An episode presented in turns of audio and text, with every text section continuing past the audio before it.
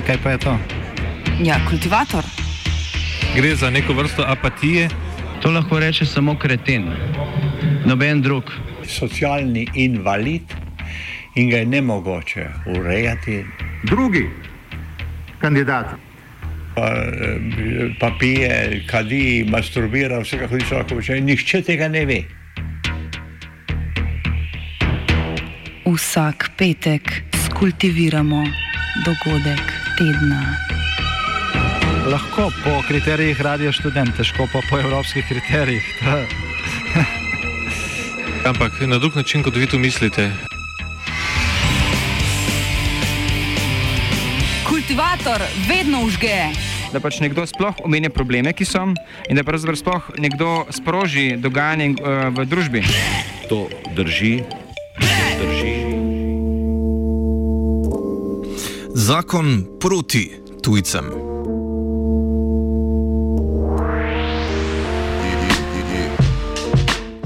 Ob koncu prejšnjega meseca je vlada objavila predlog sprememb zakona o tujcih, ki ga je pripravilo Ministrstvo za notranje zadeve. Zakon je sedaj v medresorskem usklajevanju. Še predtem se je tam znašla novela zakona o mednarodni zaščiti. Spremembe zakona o tujcih so uradno postopek začele že leta 2018, sedaj predlagana oblika pa naj bi bila zgolj posodobljena različica že uloženih dokumentov, potem ko se različni državni organi že dvakrat niso niso mogli uskladiti o vsebini zakonov. V resnici obe spremembi zakonov prinašata bistvene spremembe glede tega, kako Slovenija v svojem pravnem redu obravnava tujce in predvsem tega, kako rešuje problem nereguliranih oziroma neregularnih migracij. O obeh zakonih je včeraj potekala javna razprava, ki so jo organizirale Delovska svetovalnica, Slovenska filantropija in Pravno-informacijski center nevladnih organizacij PIC.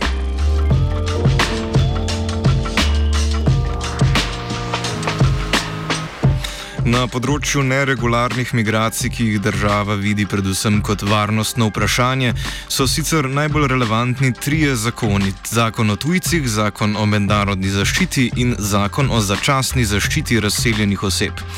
O področjih teh zakonov Nataša Potočnik, direktorica Urada za migracije na Ministrstvu za notranje zadeve na področje vračanja tujcev, ki nezakonito prebivajo in jih je treba vrniti v izvorno državo. Zakon o mednarodni zaščiti ureja celotno področje mednarodne zaščite, to pomeni tako postopek za pridobitev mednarodne zaščite, um, pravice prosilcev za mednarodno zaščito, pa pravice tistih, ki dobijo uh, mednarodno zaščito. Potem imamo pa še zakon o začasni zaščiti razseljenih oseb, to je pa zakon, ki je vezan na um, aktivacijo instituta začasne zaščite na ravni EU in je, mimo rečemo, tako imenovani speči zakon. Največ pozornosti vzbujajo spremembe zakona o tujcih. Tehnično se zakon spreminja zaradi prenosa evropske direktive v slovensko zakonodajo, a v resnici gre za celovito reformo obravnave tujcev, ki so neregularno vstopili v Slovenijo. Vlada želi reformo tudi zaradi tega, ker je oktobra lani ustavno sodišče razveljavilo 10b člen zakona o tujcih. Ta v primeru zaostrenih migracijskih razmer predvideva omejevanje vstopa tujcev v državo in dopušča zavračanje prošen za azil brez individualne obravnave. V novem predlogu ostaja namen člena 10b in člena 10a, ki govori le o aktivaciji člena 10b, po vsebini enaka. Uvaja pa se nov pogoj za uveljavitev tega ukrepa in sicer nastop tako imenovane kompleksne krize. Več o tem, kako so pisali novo obliko členov, sekretar na Ministrstvu za notranje zadeve Boštjan Šefic. Pri pripravi 10b člena smo po naši oceni torej sled, maksimalno sledili, bom rekel, uh, odločbi ustavnega sodišča, tudi nekaterim, bom rekel, uh, kritikam, opozorilo. V ta namen smo tudi upravili vrsto uh, posvetov, tudi z pravnimi strokovnjaki. Jaz moram povedati, da so, bom zelo odkrit, mnenja so bila zelo različna, od, bom rekel, popolnoma recimo odklonilnega do tistih, ki seveda so menili, da so te rešitve uh, uh, v redu z določenimi nadgradnjami, ki smo jih tudi upoštevali pri sedanji, bom rekel, novi, novem tekstu tega desetega B člena. Kot pravi Urša Regvar iz Pravno-informacijskega centra oziroma PIC, ostaja učinek členov enak, kot je bil do sedaj.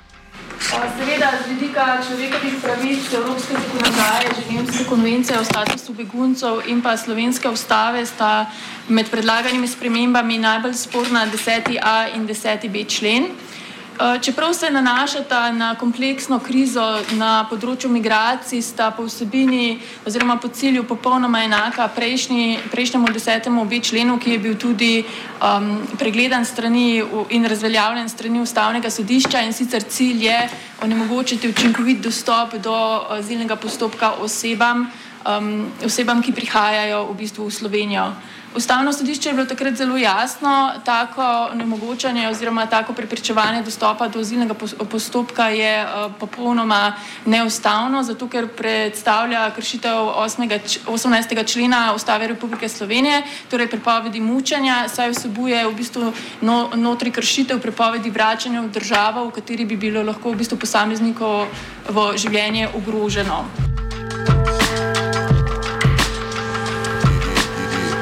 Kot pa se je pokazalo v zadnjih dveh letih, slovenska država za množično vračanje tujcev ne potrebuje razglasitev kompleksne krize ali drugačnih izrednih razmer.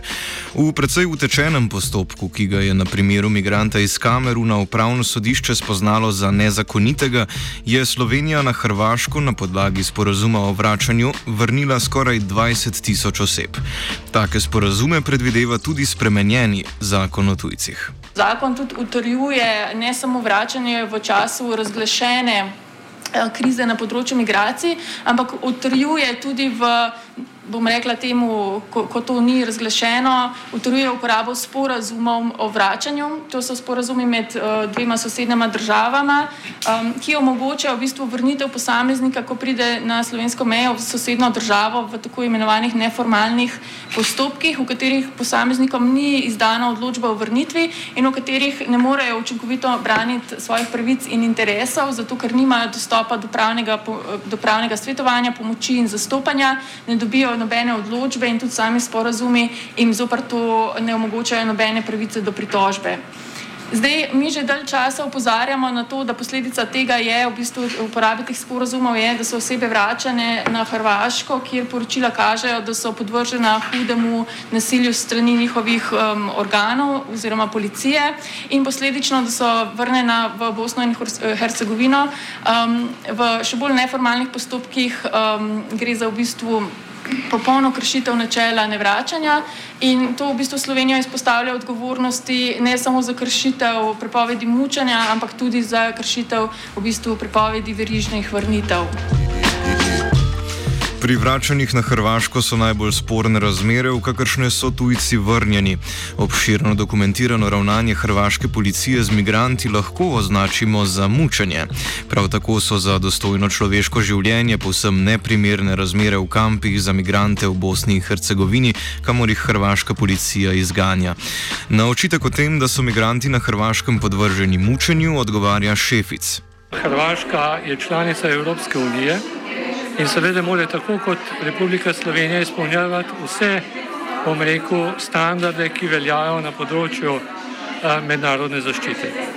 Zaenkrat noben organ, lahko resnično noben organ oziroma sodišče ni ugovarjalo temu dejstvu, da Republika Hrvaška izpolnjuje svoje obveznosti. A, seveda in a, a, Republika Slovenija težko sama niti nima inštrumentov, potem ocenjuje ali neka druga, oziroma je nemogoče, da bi ocenjevala ali neka druga država izpolnjuje te, bom rekel, obveznosti skupnega, uh, oziroma obveznosti, uh, ki jih ima v skladu z azilno zakonodajo Evropske unije. Ena zadeva, druga pa je, da seveda Republika Slovenija v vsakem primeru individualno ugotavlja, ali je posameznik zaradi nekih osebnih, specifičnih okoliščin, ki odhajajo nazaj, seveda, morda uh, uh, bi bil lahko tam preganjan, oziroma ogrožanje njegovo življenje, zdravje in tako naprej. To je pa seveda nekaj drugega in to upošteva tudi nov predlog zakona o tujcih. Zakon o tujcih vključuje še več sprememb, ki jih v PIC-u označujejo kot sporne.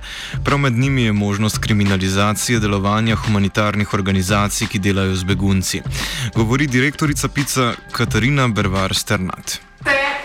Humanitarna pomoč z takšno spremembo zakona, kot je sedaj zapisana, kriminalizira. Namreč humanitarna pomoč ni določena kot izjema, kadar se ta nudi tujcu, ki nedovoljeno prebiva na območju Republike Slovenije. Um, ne upozorim, da se uh, takšna podobna ali nastavek takšne uh, določbe pojavlja tudi v 308. členu kazenskega zakonika in sicer humanitarna pomoč ni določena kot izjema, zato smo nevladne organizacije upozorile, da bi tudi v tistim uh, zakonu uh, morala izredno takšna izjema obstajati. Sicer se bojimo, da se bo v nadaljnih spremembah zakonodaje šlo vedno bolj proti kriminalizaciji tudi takšne pomoči. Tujce v Sloveniji bi močno prizadele spremembe, ki se tičejo združevanja družin. Postopek za to se že sedaj dolgega enega leta podaljšuje na dve leti. Podaljšanje roka za združitev z družino podaljšuje iz enega na dve leti. Načeloma je to še vedno skladno z direktivo, vendar gre za bistveno manj ugoden položaj tujcev, ki uh, se združujejo z svojimi družinami, z otroki. Predvsem smo pripričani, da takšno določilo uh, ne samo, da ni v korist, ampak je v izjemno škodo seveda otrokom, uh, katerimi se starši želijo združevati. Poleg tega spremembe otežujejo pridobitev dovolitve zadrževanja. Ta je namenjena tistim tujcem, ki so v postopku vrnitve, a zaradi takšnih ali drugačnih okoliščin vrnitev v tem trenutku ni mogoča. Tak primer so Afganistanci, ki jim ni bila omogočena pridobitev statusa begunca, a bi bili pri vrnitvi kljub temu ogroženi, zaradi česar njihova vrnitev ni bila mogoča. Dovolitev zadrževanja jim je omogočala vsaj legalno bivanje v Sloveniji v tem času, ki so ga lahko izkoristili za ureditev ureditev svojega statusa. Ta instrument bo sedaj v večji meri zamenjalo podaljšanje roka za prostovoljni odhod. Več Urša Regvar. Lagane spremembe, zato ker omejujejo ureditev dovolitve zadrževanja za osebe v postopku vračanja, v bistvu onemogočajo tujcem, da bi lahko v Sloveniji trajno uredili svoj pravni položaj. Dovolitev zadrževanja je namenjena tistim, tistim tujcem, katerih vrnitev ni mogoča iz različnih razlogov in jim omogoča, da v bistvu za šest mesecev pridobijo dovoljenje, ki jim omogoča osnovne pravice, se, se pravi izključno bivanje na, področ, na področju Republike Slovenije. Na podlagi tega si pa lahko po dveh letih trajno uredijo status in sicer s pridobitvijo začas, dovoljenja za začasno prebivanje. Zdaj, um, sporne so predvsem tiste spremembe, ne, ki, se naha, ki se nanašajo na otroke in mladoletnike brez spremstva, zato ker jih popolnoma črtajo iz te ureditve, ki jim je do zdaj omogočala pridobitev dovolitve zadrževanja, kar je, naš, kar je tudi pač v nasprotju s konvencijo o otrokovih pravicah, ki zahteva od Slovenije, da otrokom omogoči ureditev statusa v primeru, da so tukaj neregularno. In eh, tukaj v bistvu želim opozoriti predvsem na to, da to lahko povzroči en kup tujcev, ki nikoli ne bojo mogli svojega pravnega eh, položaja v Sloveniji urediti na način, da bi lahko tukaj bivali regularno. Problem s podaljševanjem roka za prostovoljni odhod je v tem, da ga bo treba podaljševati vsak mesec. Predlagane spremembe to urejajo tako, da bodo lahko to vrstni tujci podaljševali rok za prostovoljni odhod in sicer vsak mesec, vsakih 30 dni, eh, kar pa predstavlja hudo administrativno oviro tudi za uradne organe, ki bodo mogli v bistvu te prošnje vsak. Eh, mesec nekako obravnavati, hkrati pa hudo stisko in hud stres za posameznike, ki bojo mogli pač to vse izpolnjevati. In predvidevamo, da bo v bistvu zaradi tega položaj tujcev še, še toliko slabši, ker eh, v primerih, ko govorimo o tujcih, za katere je jasno razvidno, da je njihova situacija taka, da vrnitev še nekaj časa ne bo mogoča, jih bo to v bistvu podvrgal neki situaciji, v katerem bojo konstantno v limbu, v katerem bojo konstantno v strahu in nezmožnosti urediti svoj pravni položaj ali pravni položaj svojih družinskih članov. V podobni omejevalni maniri so bile pripravljene tudi spremembe zakona o mednarodni zaščiti. Se tiče uh, postopka mednarodne zaščite, ne, te predlagane spremembe zelo utrjujejo položaj v bistvu pristojnega organa Ministrstva za notranje zadeve kot občutno močnejše stranke v postopku v razmerju do prosilca za mednarodno zaščito. Ne. In prosilec za mednarodno zaščito je v postopku strank, občutno šipkejša stranka, ki že zdaj v veljavni ureditvi zelo težko brani svoje um, pravice in pravne interese. Zakon o mednarodni zaščiti delno pomaga svetovalcem za begunce, dodeluje jim namreč tolmača. Še vedno pa položaj tolmačev ni primerljiv z odvetniki in jim ne daje enake stopnje zaupnosti z zastopano osebo. Poleg tega pa zakon za svetovalce sedaj zahteva varnostni pregled. Katarina Brvar Sternard. Na novo uvaja Ministrstvo za notranje zadeve varnostno preverjanje svetovalcev za begunce. Zdaj, um, po, v, v odzivu na, na to je sicer ministrstvo razložilo, da je to varnostno preverjanje namenjeno temu, da bi svetovalci za begunce posledično pridobili potrdilo za dostop do podatkov v spisu, ki imajo stopnjo zaupno. Um, to sicer razumemo kot uh, eden izmed utemeljenih razlogov, vendar um, je še vedno gre za um, izjemno velik poseg v, um, v osebnostne pravice uh, svetovalcev za begunce. Tako kot v zakonu o tujcih, je v zakonu o mednarodni zaščiti problematična zakonska označba omejitve gibanja. Ta je namreč nerazločljiva od vzema prostosti, ki ga pozna kazenski postopek.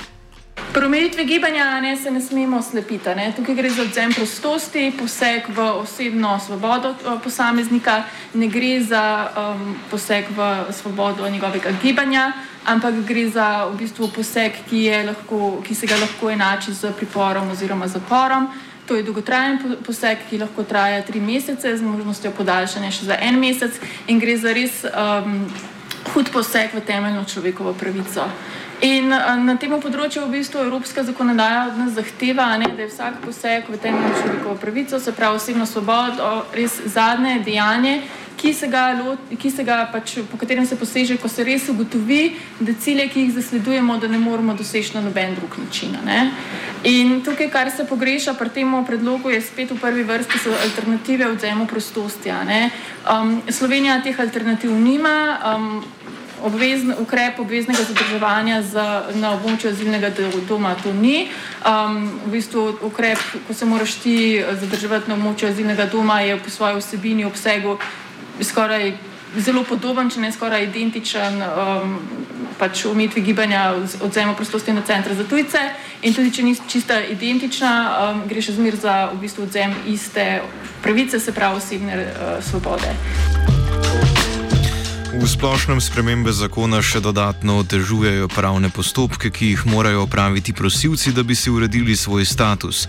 Pričakovati je, da bo rezultat sprememb pobeg zakonov, v primeru, da bodo spremembe potrjene, predvsem povečanje števila migrantov brez regularnega statusa. Kultiviral je gal.